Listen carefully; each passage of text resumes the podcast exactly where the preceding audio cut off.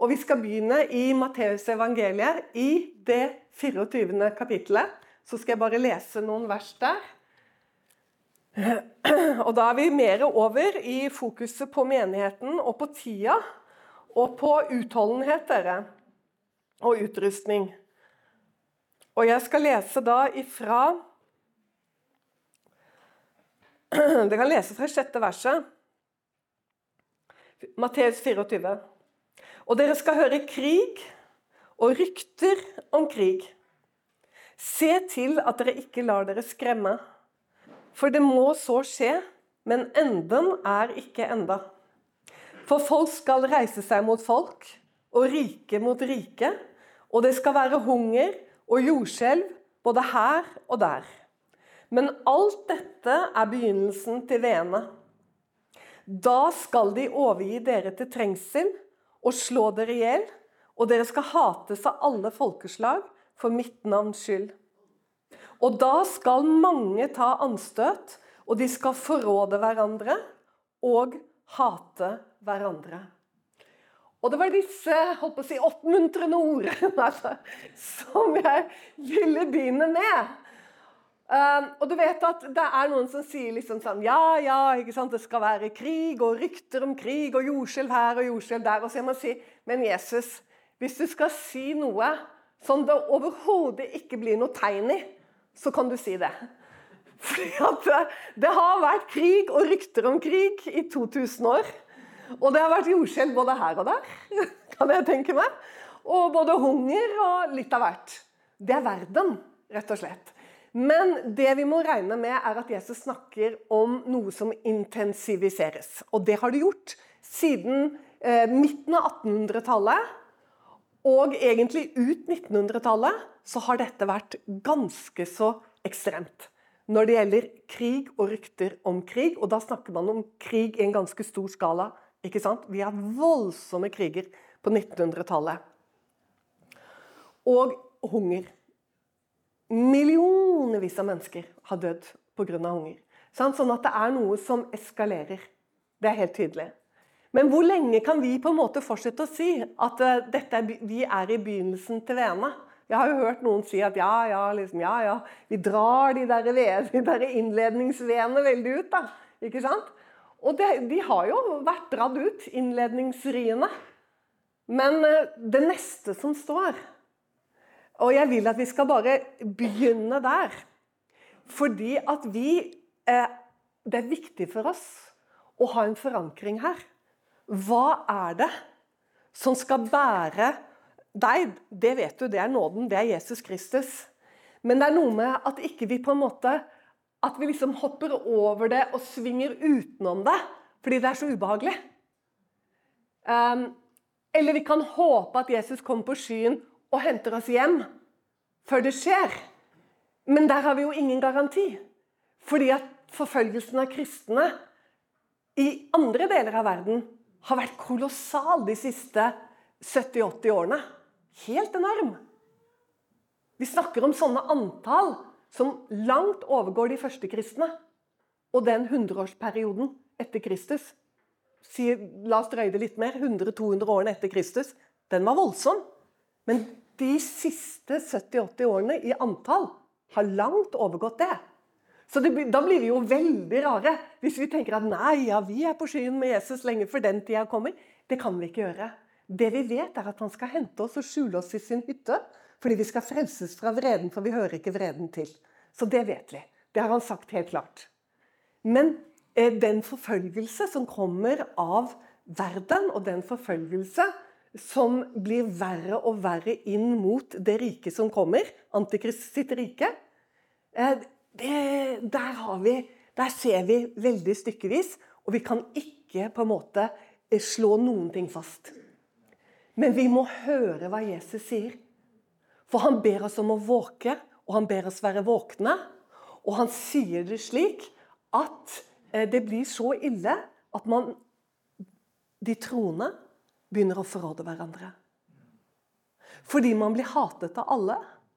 Og da er det klart at da vil man en, sånn, Fristelsen her for å bøye av, den kommer til å bli så sterk over Guds menighet. Og jeg gjentar det.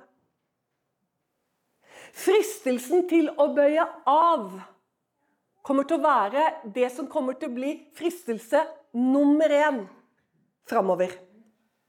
Til å slakke av og bøye av. Selvfølgelig. Fordi hvis valget ditt er forfølgelse eller ikke forfølgelse, så er det jo selvfølgelig hvis det er en mulighet. Og det er akkurat derfor de forråder hverandre. Fordi Jesus varsler at en del vil bøye av. Og der kommer forrådelsen inn. ikke sant? Og så har du de som står fast. Dette bør ikke være profet for å si at dette er det vi kommer til å se inn imot de siste tider. Garantert. Fordi det er det ordet sier at blir tilfellet for den kristne menighet. Og da, dere Hva er det vi trenger, og hva er det på en måte som må være fokuset i ordet? Hva er det som skal holde oss utover altså, sånn, nåden Jesus Kristus i bånd? Men hvilke Guds ord er det vi trenger å bli oppfostret i og utrustet i? Og jeg skal si noe om det nå i, i dette møtet. Og Da vil jeg at vi skal begynne i Efeserbrevet, i det første kapitlet der. Og her har vi jo noen uh, vidunderlige ord. Og det er Paulus som underviser, og så sier han dette at Han Jeg begynner i 11. verset. I hvem vi også har fått arveloddet. Etter at vi forut var bestemte da. Etter hans forsett, som virker frem alt etter sin viljes råd. Og så for at vi skulle være Hans herlighet til pris, vi som forut hadde håpet på Kristus. Og så er det 13 og 14 som er de to viktigste versene du skal få med deg. 13 og 14. I ham har også dere, da dere hadde hørt sannhetens ord, evangeliet om deres frelse. I ham har dere, da dere kom til troen, fått til innseil den hellige ånd, som var oss lovt. Han som er pantet på vår arv, til eiendomsfolkets forløsning, hans herlighet til pris. Altså, Paulus sier at da vi kom til troen, så fikk vi et seil. Gud satte sitt seil på oss. Og du vet at Det er et ord som ikke er så levende for oss, for vi bruker ikke seil lenger. Jeg tenker Da skal du være av den gamle, fine sort.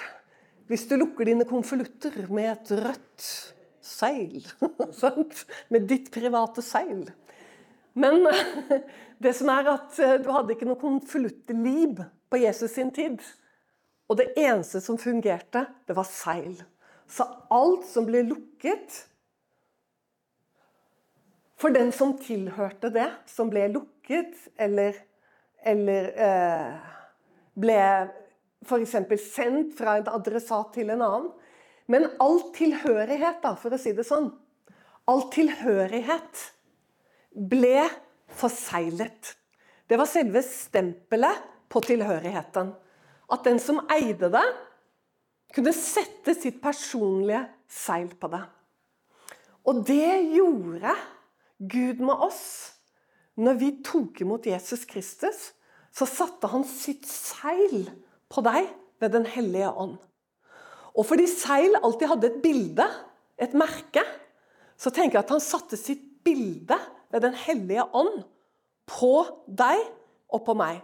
Så du er seilet, du er forseglet i min gamle oversettelse står det at du er innseilet. Og ikke nok med det, men du fikk også pant. Det syns jeg er så flott. Altså, Gud tok en pant av hele den rikdommen som er vår, arven. Av hele den arven som er din. Så har han tatt en del av den arven som et depositum, og så har han lagt den inn i deg ved Den hellige ånd. Sånn at du har og er bærer av et depositum som Gud har lagt deg, som, som bevis på at han skal utløse hele arven. Han har tatt en del av arven og gitt den til deg, lagt den inn i deg, som et bevis på at han skal gi deg hele arven. Sånn at du går med det i hjertet ditt. For det står at pantet ligger i hjertet ditt. Beviset på at du hører ham til, og at hele denne løftet og arven, den kommer en dag til å bli din. Men du har fått smake, står det. Mens vi er her, så får vi smake. For vi har fått et depositum på hva den arven er. Og den må være så levende i våre liv. Den må være så levende, og den må være så forkynt iblant oss.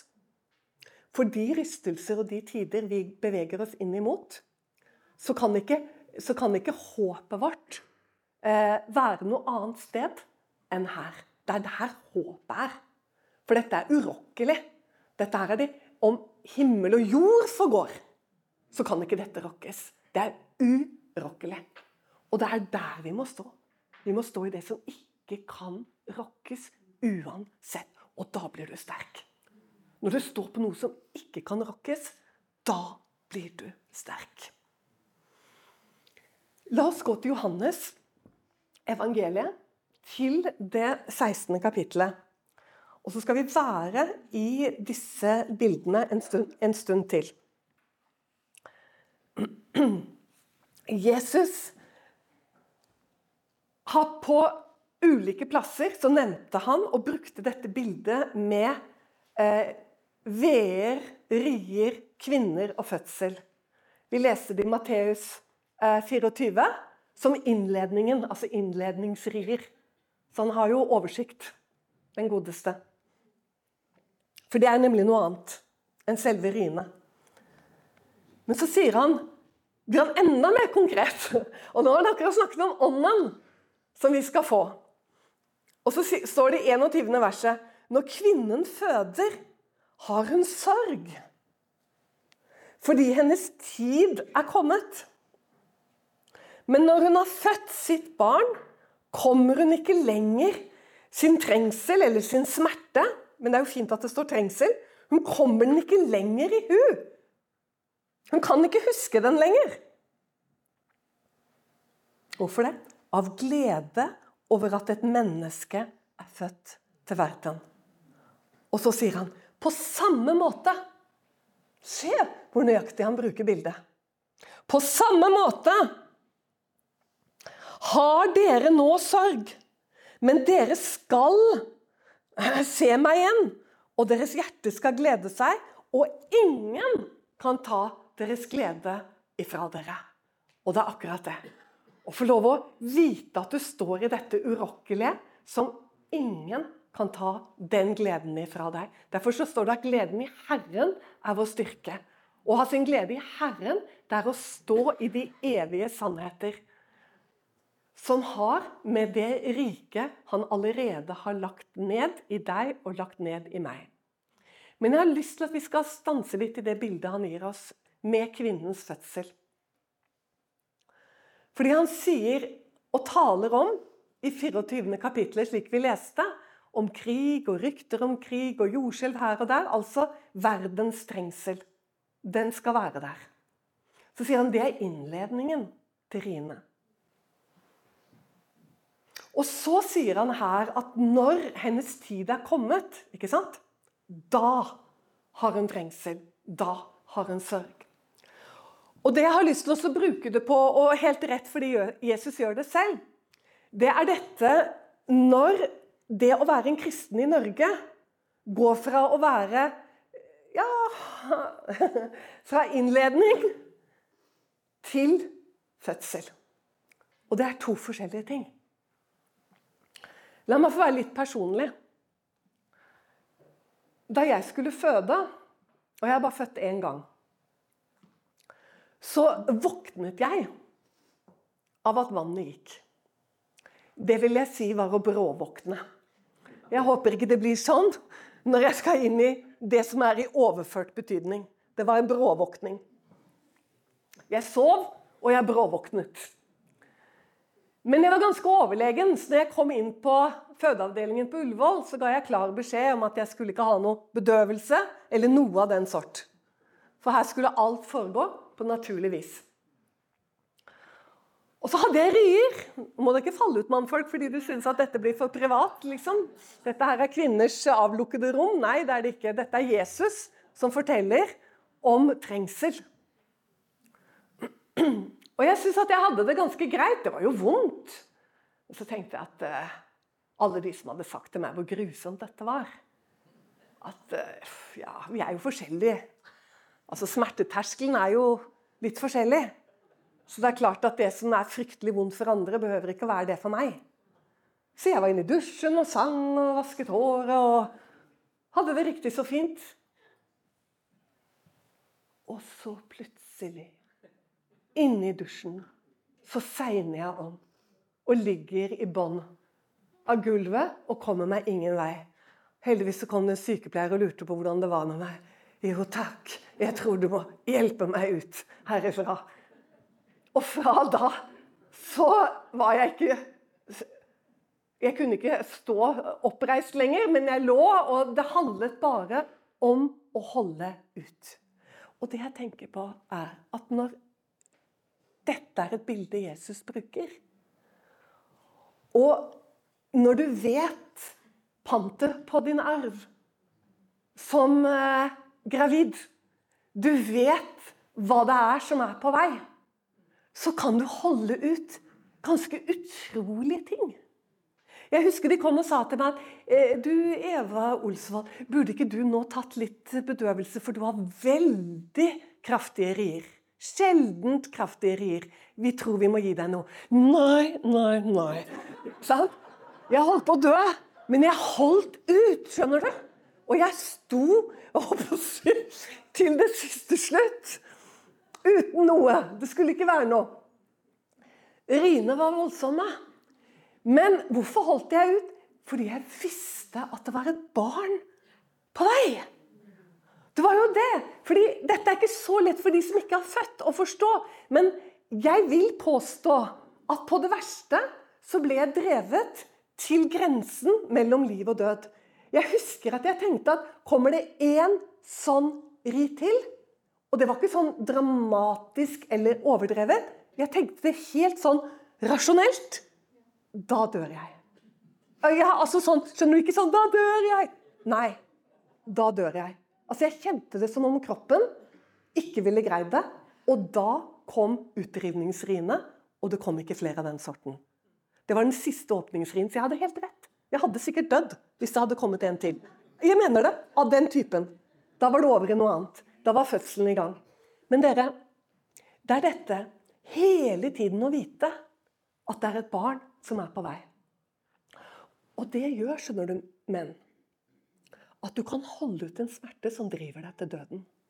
Hvis du ikke visste at det var et barn på vei, og du hadde sånne smerter, da tror jeg kanskje du hadde dødd. Du hadde ikke holdt det ut. Det er derfor det er så kjempespennende at Jesus bruker det bildet. Og det sier noe om i styrken i det å være forankret der hvor vi skal ha vår forankring. Bli med til eh, Korinterbrevet. Til det andre kapitlet Nei, til andre Korinterbrevet. Andre Korinterbrev eh, første kapittelet, der står det igjen Men den som binder oss fast til Kristus, og som har salvet oss, det er Gud.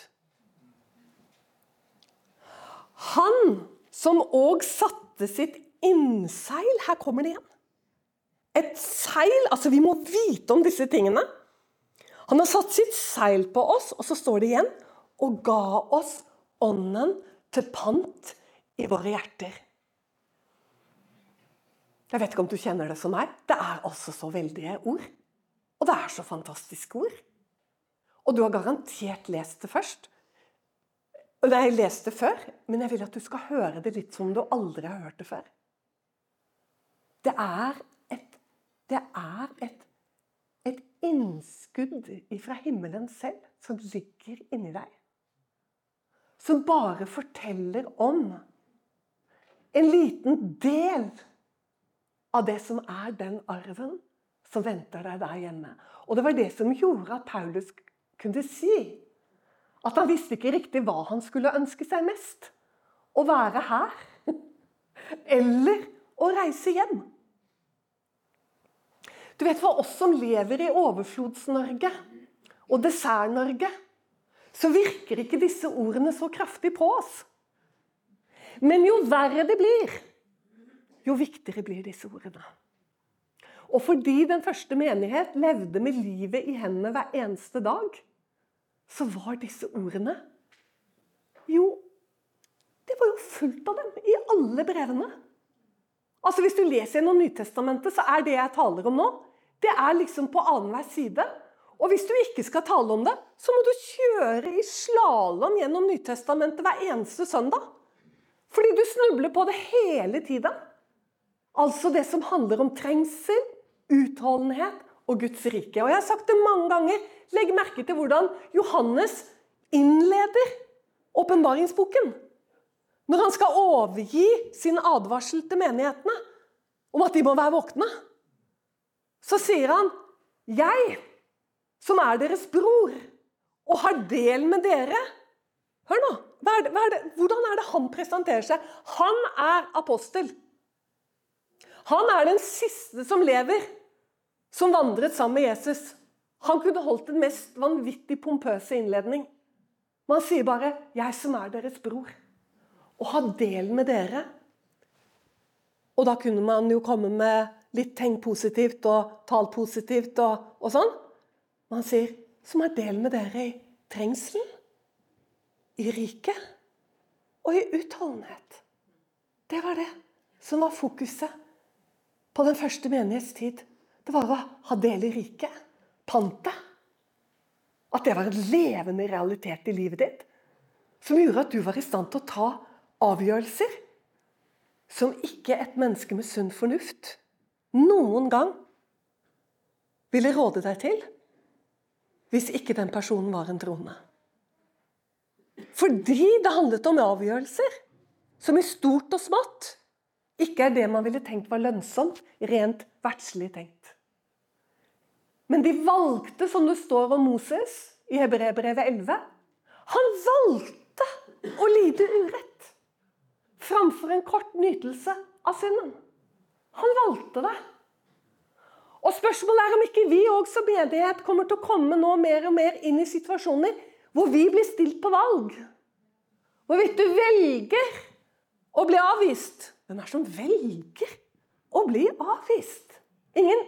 Ingen sunt, oppegående menneske velger å bli avvist. Da er du jo litt selvdestruktiv, kanskje. Ingen velger det.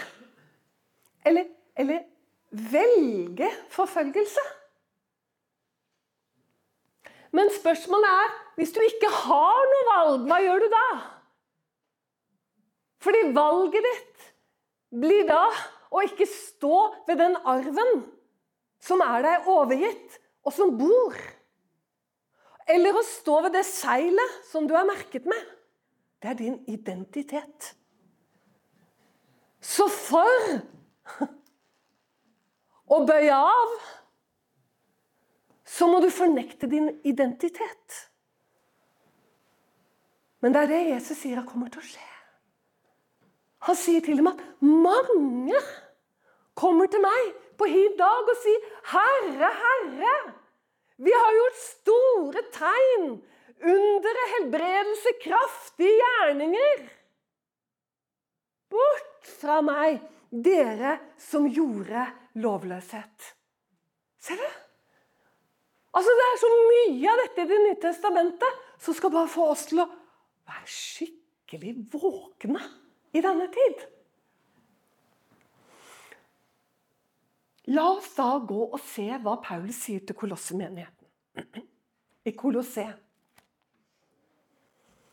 For der kommer det et råd fra Paulus, og som det er vel verdt å legge merke til.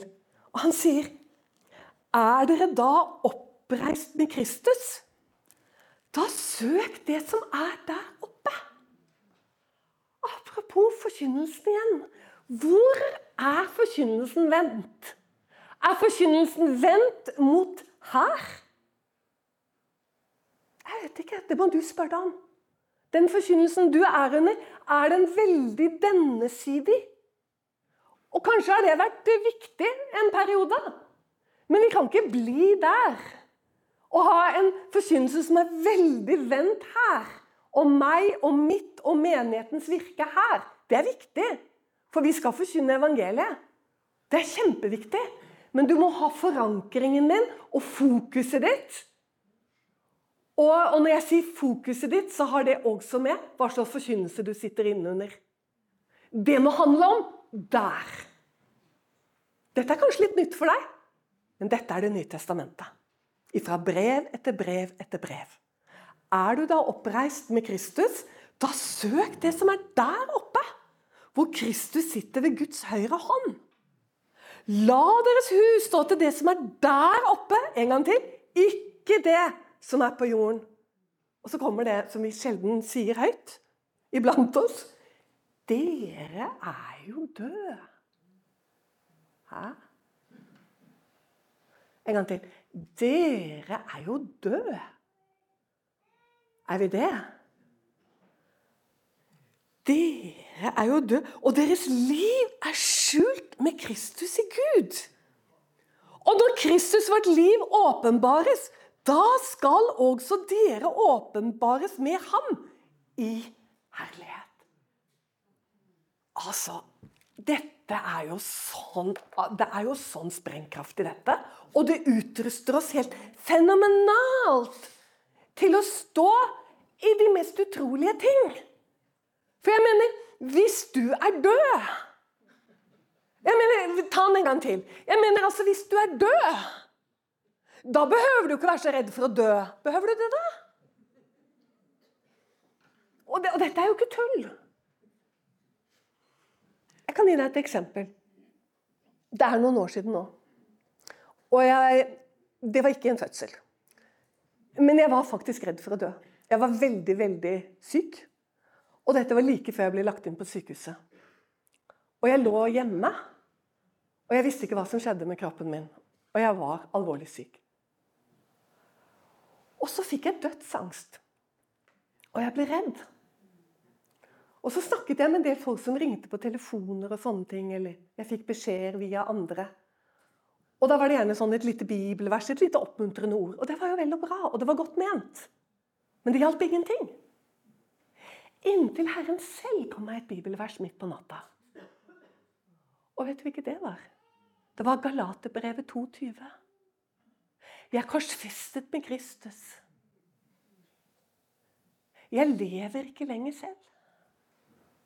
Men det livet jeg lever, det lever jeg for Han som elsket meg og ga sitt liv for meg. Plutselig du, så kom det kraft i mine ben. Og jeg hadde lyst til å bare stå opp av sengen. Og jeg satte meg opp, og så sa jeg Halleluja, jeg er død! Det var akkurat som jeg ikke hadde skjønt det helt før. Og så en gang til. Halleluja! Jeg er død! Og det livet jeg lever nå, det skal aldri i evighet dø. Ah, nå har at det er sant! Det er ikke teaterstykket vi er på nå. Liksom, En som står og forteller festlige historier. Nei, dette her er helt 100 sant. Det er så sant at om himmel og jord forgår, så vil dette aldri i evighet forgå. At det livet du har, det skal aldri i evighet forgå. Og da er det jo helt rett at eh, søk det som er der oppe, hvor ditt liv er, og hvor Jesus sitter ved Faderens høyre hånd. Det, det, er jo der Det er jo der min konsentrasjon må være. Det er jo der mine bønner må være. Det er jo der min glede skal være. Som gir meg styrke i hverdagen. Og jeg har helt rett. For du vet at disiplene kom kjempeglade tilbake til Jesus. Fordi at eh, var dem lydige. Altså i betydningen onde ånder for ut, og kraftige og mektige gjerninger skjedde. Og så kommer de til Jesus og er kjempeglade. Og så høres det ut som Jesus er en liten gledesdreper. Så sier han liksom 'dog'. Sånn står det i min oversettelse. Han sier 'ja, gleder over det', men gleder ikke for mye, liksom. Og Jeg skjønner jo hva han mener, for disse tingene kan forvitre og bli borte. Og da må du ha din glede ett sted. Og det er at ditt navn er innskrevet i himmelen, og at pantet på din arv ligger i ditt hjerte.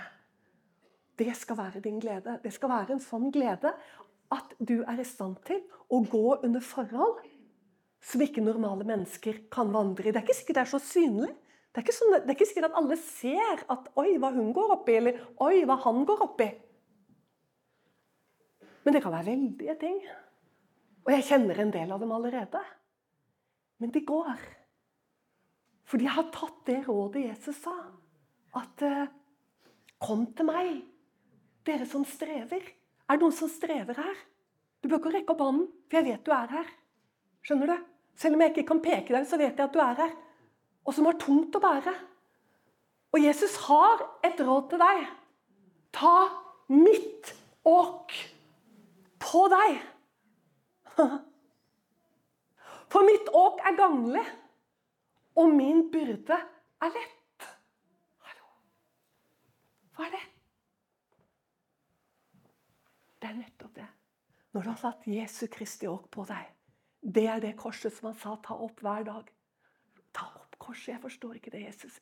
Jo, det er egentlig bare påminnelsen om at jeg og mitt liv, det er dødt. Og det livet jeg har fått, det er tatt imot. Og så er jeg sammen med Jesus, for jeg går der under hans åk. Og da skjer dette helt mirakelaktige at byrder som per definisjon er blytunge Du hører jo det. Du hører jo det på ordet. En byrde er ikke lett. Og åk er ikke spesielt ganglige. Men han sier det, at når du tar hans åk på deg, så blir byrder lette. Og åk blir gagnlig. Jesus er fantastisk.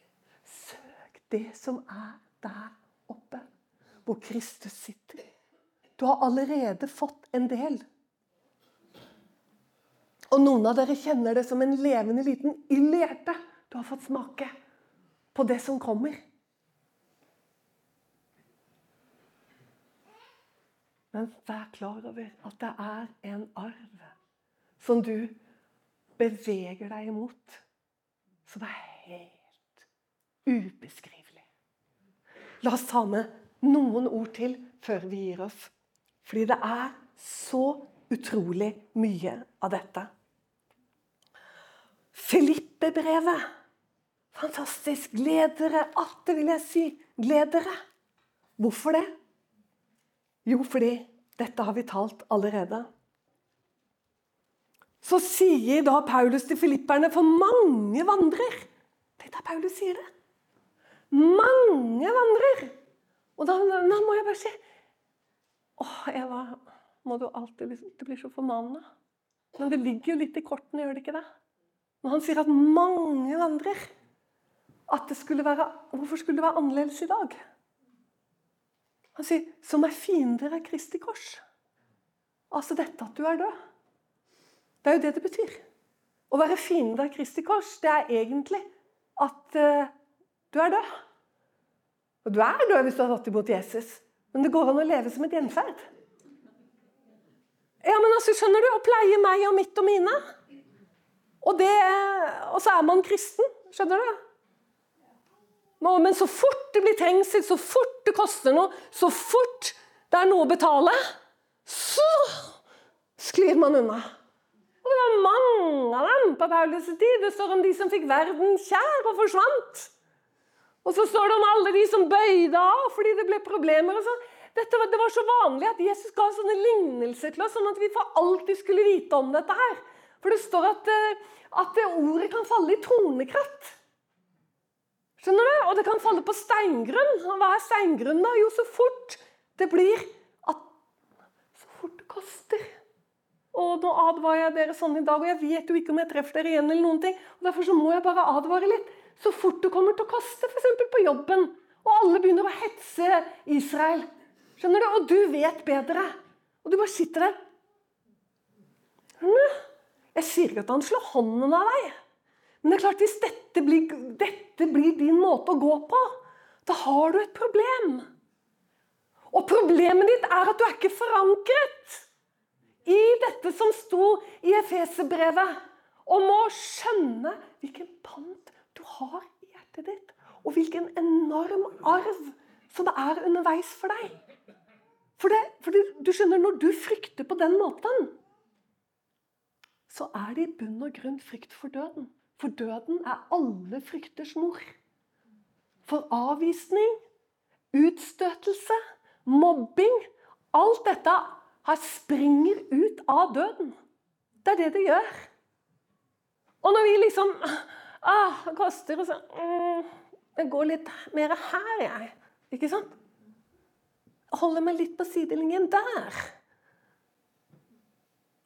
Da, jeg, da er det ikke pekefingeren det gjelder for deg. Nei, du er ikke godt nok forankra i løftet. I det som var så levende for de første kristne. At de valgte. Det står jo det at de hadde ikke sitt liv kjært inntil døden. Ja, Men Eva, vi er jo ikke i ferd med å dø, da. Nei, men alle disse tingene, skjønner du som gjør at å, så fort det kommer prat om noe som er kontroversielt på jobben din eller i familien din, eller hva det måtte, så blir du så utrolig stille. sant? For du vet at det kan koste deg både det ene og det andre, og barn og barnevern og hvem vet hva. Forstår du? Men da er arven din så utrolig lita. Den er liksom så Du har jo ikke fått åpna øynene dine til å se hvilken rikdom. Kjære Gud, hvilken rikdom. Det er ikke rart at Paulus falt på kne og ba for menigheten. Om at den måtte få åpnede øyne, så den så bredden, høyden, lengden og dybden av Kristi kjærlighet. Hva, hva, er det for noe? Jeg har sagt det før, og du som har hørt eh, på noen taler på YouTube, har kanskje hørt det før, men nå får du igjen. Hva er det for noe? Høyde, bredde, lengde. Jeg mener, Du jo ikke være tømrer for å skjønne at det holder. Du trenger ikke noen flere dimensjoner for å bygge. Men det Paulus gjør, er at han henger deg midt inne i Gud. Så du er omsluttet under deg dybden. Du er omsluttet over deg høyden. Du er omsluttet i bredde og i lengde. For en Gud vi har. Og det er derfor Paulus faller på sine knær og ber at Faderen må gi oss åpnede øyne, sånn at vi ser. For Da sitter ikke du sånn kjempebekymret. Forstår du? 'Å, jeg tør ikke å si noe, for da kommer ingen til å like meg.' Du holder det helt fint ut, for du skjønner det. At, hør nå. Hør nå. Håpet blir ikke til skamme står det i Nyttestamentet. Håpet blir ikke til skamme, fordi Guds kjærlighet er utøst ved Den hellige ånd i hjertet ditt. Så for hver gang du tar et lite, lite steg i lydighet, så tar han et steg i velsignelse. Så du kommer aldri på skam. Det kan være litt tøft. Når jeg satt på Journalisthøgskolen eh, i nesten et halvt år, i auditoriet der sånn, fordi jeg hadde stilt ett spørsmål og så ble Sissel Wold fra NRK så rasende at hun brølte til meg. Og håper å si jeg som hadde vært så populær. Jeg gikk fra én dag til en annen dag. Til at når jeg, som alltid da, kom tidlig til forelesningene, så var det sånn at når alle de andre kom, så var det to avdelinger. Det var en midtbane, og så var det én side der, og så var det én side der. Og hvis jeg satt på den sida, så satt alle de andre seg på den siden. Skjønner du? Hver dag. etter Sissel Wold. Fordi jeg stilte bare et helt uskyldig, pent, saklig, fint spørsmål, men som antageligvis traff spikeren på hodet, sånn at hun ble rasende. Men jeg taklet det. Og så hadde jeg jo en mann. Så, så, og vi ber jo til Gud, så jeg mener Hvert lite steg i lydighet.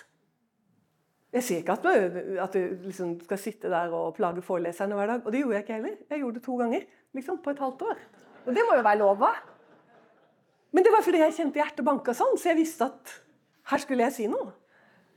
Men hør nå. Hvert lite steg i lydighet, så tar Gud et stort steg i velsignelse. For velsignelsen følger alltid lydighet. Alltid så følger det en lydighet. Simpelthen. Altså lydighet høres litt sånn lydighet, liksom. Følger tro, da. For tro er jo lydighet, egentlig. Det er jo det det er. Tro er lydighet. Og det er den troen vi har fått, og som er født av Gud. Det er jo det som er fantastisk.